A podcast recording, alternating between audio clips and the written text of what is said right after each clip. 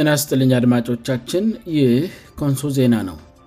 አሁን የለቱን አንኳር ዜና የምናቀርብበት ጊዜ ላይ ደርሰናል ዜናውን የማቀርብላችሁ የቬሎናታይ ነኝ አብራችን ቆዩ አርስ ዜናዎችን በማስቀደም የለተሰኘው ነሐሴ 23 ቀን 214 ዓም አንኳር ዜናዎችን አሰማለሁ የመብራት ኃይል የካራት ቅርንጫፍ ጽፈት ቤትና የካራት ማዘጋጃ ቤት ውዝግብ በውይይት መፈታቱ ተገለጸ በኮንሶ ዞን ኮልሜክላስተር ለምስክር ትፈለጋላቸው የተባሉ አርብታአደሮች ለእስርና ለእንግልት መዳደጋቸው ተገለጸ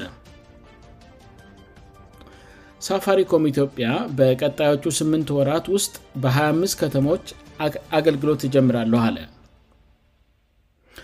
ሰመን ኮሪያ ጠላትን ለማሳሳት በምል ስምንት ተመሳሳይ ቤተመንግስቶችን ገነባች አሁን ዜናውን በዝርዝር አሰማለሁ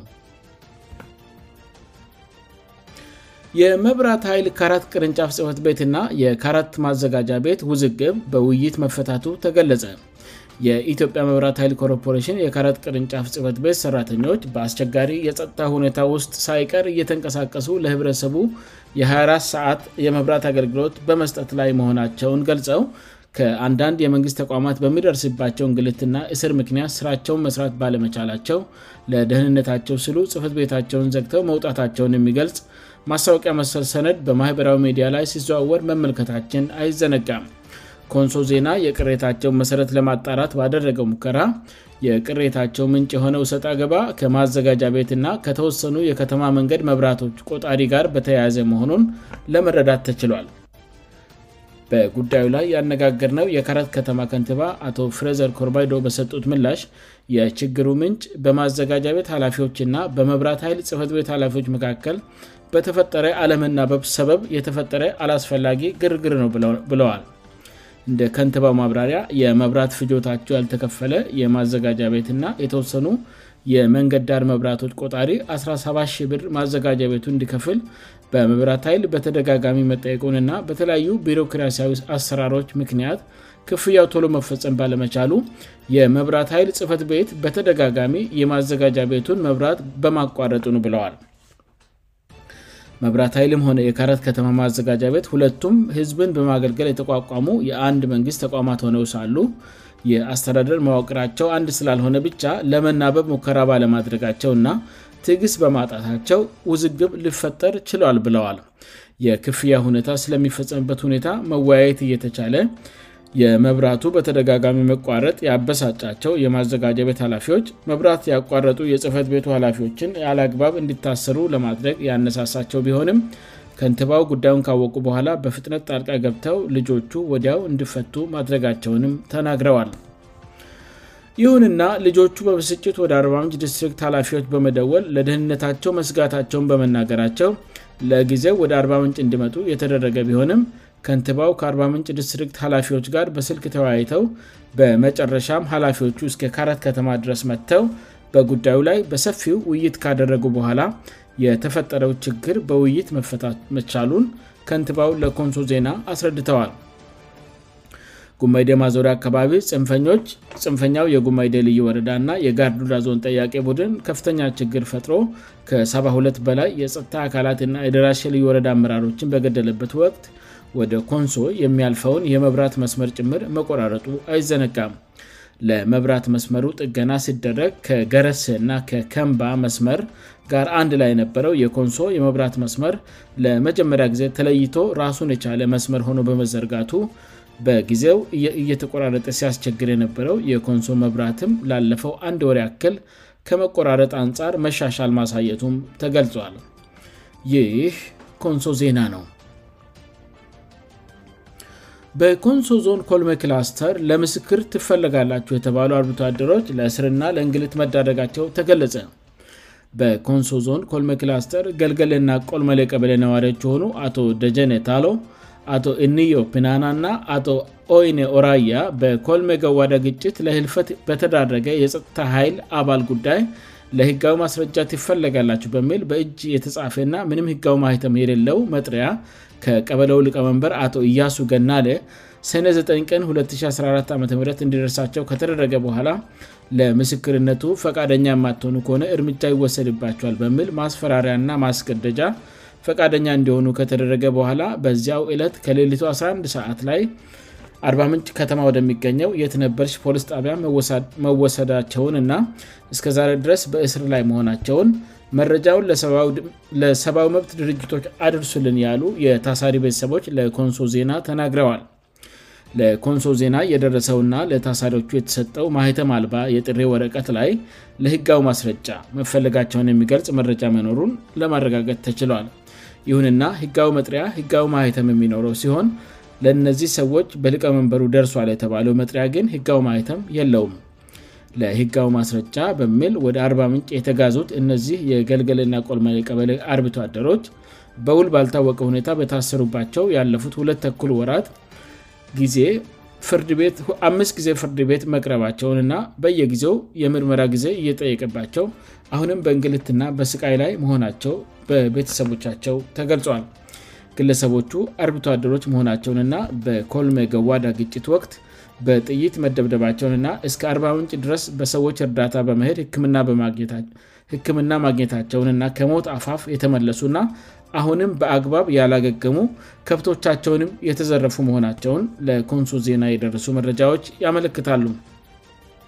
ይህ ሁሉ ጉዳት እንግልት ደርሶባቸው ሳለ በቀበለያቸው ልቀመንበር አቶ እያሱ ገናሌ የማታለያ መጥሪያ በተገደለው ወታደር ጉዳይ ለማስረጃ ትፈለጋላችሁ በሚል ለእስርና እንግልት ተዳርገው አሁንም በከፍተኛ ችግር ስጥ ናቸው እና የሚመለከተው የመንግስት አካል ለልጆቻችን ፍትህን ስጥልን ብለዋል ይህ ኮንሶ ዜና ነው ሳፋሪኮም ኢትዮጵያ በቀጣዮቹ 8 ወራት ውስጥ በ25 ተሞች አገልግሎት ይጀምራለሁ አለ ከሁት ዓመታት በፊት በወጣ አለም አቀፍ የቴሌኮም ጨረታ መሠረ ወደ ኢትዮጵያ የገባው ሳፋሪኮም ኢትዮጵያ በዛሬ 2ት የመጀመሪያውን የደንበኞች የቴሌኮም አገልግሎት በድረዳዋ አስጀምሯል ኩባንያው በመነሻ ኮዱ 07 በድረዳዋ ከተማ የደንበኞች የኔትወርክ ሙከራ በ2g በ3g እና በአራ g ኔትወርኮች አካሄዷል የሳፋሪኮም ኢትዮጵያ መስመር የስርክ ቁጥሮች ለድረዳዋ ደንበኞቹ በመሸጫ ሱቆች ይፋ ያደረገ ሲሆን ኔትወርኩም ለአንድ ወር የሚቆይ የሙከራ አገልግሎት ተጀምሯል ድርጅቱ የድምፅ አገልግሎቱን በደቂቃ ከሳፋሪኮም ስልክ ቁጥር ወደ ሳፋሪኮም እና ወደ ኢትዮ ቴሌኮም ሲምካርዶች በደቂቃ 50 ሳንቲም የሚያስከፍል ሲሆን ለኢንተርኔት ደግሞ በ10ብር 12 ሜባይት 900 ሜባይቱን ደግሞ በ50 ብር እንዲሁም 2 ጊጋባይት መጠን ያለው ኢንተርኔት ደግሞ በ10 ብር ለ30 ቀናት በመደበኛነት በመሸጥ ላይ ነው ኩባንያው አሎም እስከ ቀጣዩ መያዛ 2015 ድረስ ባሉት 8ምንት ወራት ውስጥ በ25 የኢትዮጵያ ከተሞች የቴሌኮም አገልግሎትን እንደመጀምር አስታውቋል አዲስ አበባ ባህር ዳር ጎንደር ደሴ ኮምቦልቻ ሀረር አዳማ ሐዋሳ ጅማ ጅጅጋ እና ሌሎች ከተሞች በቀጣዮቹ ስምንት ወራት ውስጥ አገልግሎቶቹ ከሚጀመዱባቸው አካባቢዎች ዋነኞቹ ናቸው ተብሏል በፈረንጆቹ ዘመን አጣጠር እስከ 2023 ድረስ ከጠቅላላ የኢትዮጵያ ህዝብ 25 በመቶ በቀጣዮቹ 5 ዓመታት ደግሞ ለግማሽ ህዝብ እንዲሁም በቀጣዮቹ 10 ዓመታት ውስጥ ደግሞ 98 በመቶ ለሚሆኑ ኢትዮጵያውያን የቴሌኮም አገልግሎት የመስጠት እቅድ አለኝ ብለል ሳፋሪኮም ኃላፍነቱ የተወሰነ የግል ኩባንያ የቮዳኮም ግሩፕ የቮዳፎን ግሩፕ የሱሚቶሞ ኮርፖሬሽን እና የcdሲ ግሩፕን ያካተተ ኩባንያ ነው ተቋሙ አለም አቀፍ አጋድነት ለኢትዮጵያ በሚል በሰነወር 2013 አም በኢትዮጵያ የተለኮም አገልግሎት መስጠት የሚያስችለውን ህጋዊ ፈቃድ መቀበሉ ይታወሳል ይህ ኮንሶ ዜና ነው በመጨረሻ ሰመን ኮሪያ ጠላትን ለማሳሳት በሚል ስምንት ተመሳሳይ ቤተመንግስቶችን ገነባች ከሜራባውያን ጋር የሰጥ አገባ ውስጥ ያለችው ሰመን ኮሪያ ጠላትን ለማሳሳት በምል ስምት ተመሳሳይ ቤተመንግስቶችን መገንባቷ ተገልጿዋል እንደ ደይሊ ሜይል ዘገባ ከሆነ ሰመን ኮሪያ የፕሬዝደንት ኪም ጆን ን ደህንነትን ለመጠበቅ ሲባል በሀገሪቱ መዲና ፒዮንግያንግ ከተማ ተመሳሳይ ቅርጽ ያላቸው ቤተመንግስቶችን ገንብታለች ሰመን ኮሪያ ከጎረቤቷ ደቡብ ኮሪያ አማካኝነት እና በሜራባውያን የተቀናጀ ጥረት በፕሬዝደንቱ ላይ ግድያ ሊፈጸም ይችላል የሚል ስጋት አላት ይህንን ስጋቷን ለማስወገድ እና ፕሬዚደንቷን ለመጠበቅ ተመሳሳይ ቅርጽ የቀለም ቅብ መሰረት ልማት እና ሌሎችም ምስጥራዊ ግንባታዎችን የያዙ ስምንት ቤተመንግስት መገንባቷን ደይሊ ሜይል የሳተላይት ምስሎችን ዋቢ አድርጎ ዘግበል እነዚህ ቅንጡ ስምንት ቤተመንግስቶች በመሀል ፒዮንግያንግ ቻንግ ዋግሳን በተባለ ስፍራ የተገነቡ ሲሆን በአገሪቱ ፓርቲ ጽፈት ቤት ፊት ለፊት መገንባቱም ተገልጿል ቤተመንግስቶቹ የተገነቡባቸው አካባቢዎች ለሌሎች የአገሪቱ ዜጎች ዝግ መሆኑን ተከትሎ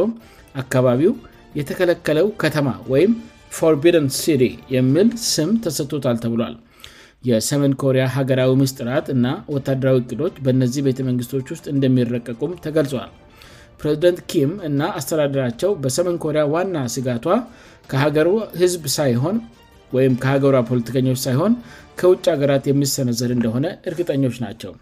ይህንንም ስጋት ለመቀልበስ ጥቃቱ በሀገሪቱ ፕሬዝደንትና ወታደራዊ ተቋማት ላይ ስለሚሆን ጠላቶችን ለማሳሳት አጠቃላይ እንቅስቃሴያቸውን ገድበው በመንቀሳቀስ ላይ ናቸውም ተብሏል ፕሬዝደንት ኪም ራሳቸውንና የሀገራቸውን ምስጥራት ከአደጋ ለመጠበቅ በጠዋትና በምድር ውስጥ የተዘጋጁ መጓጓዣዎችን ብቻ እንደሚጠቀሙ ተገልጿል ፕሬዚደንት ኪም ከሀገሪቱ መዲና ፒዮንግያን ከተማ በተጨማሪ በመላው ሀገሪቱ 13 ቤተመንግስታት እንዳሏቸው የተገለጸ ሲሆን እነዚህ ቤተመንግስቶች በወዳጆቻቸው እና በዘመዶቻቸው ይጠበቃሉ ተብሏል ይህ ኮንሶ ዜና ነው አድማጮቻችን ዜናውን ከማብቃቴ በፊት አርስ ዜናዎችን በድጋሚ ያሰማለሁ የመብራት ኃይል ካራት ቅርንጫፍ ጽፈት ቤትና የካራት ማዘጋጃ ቤት ውዝግብ በውይይት መፈታቱ ተገለጸ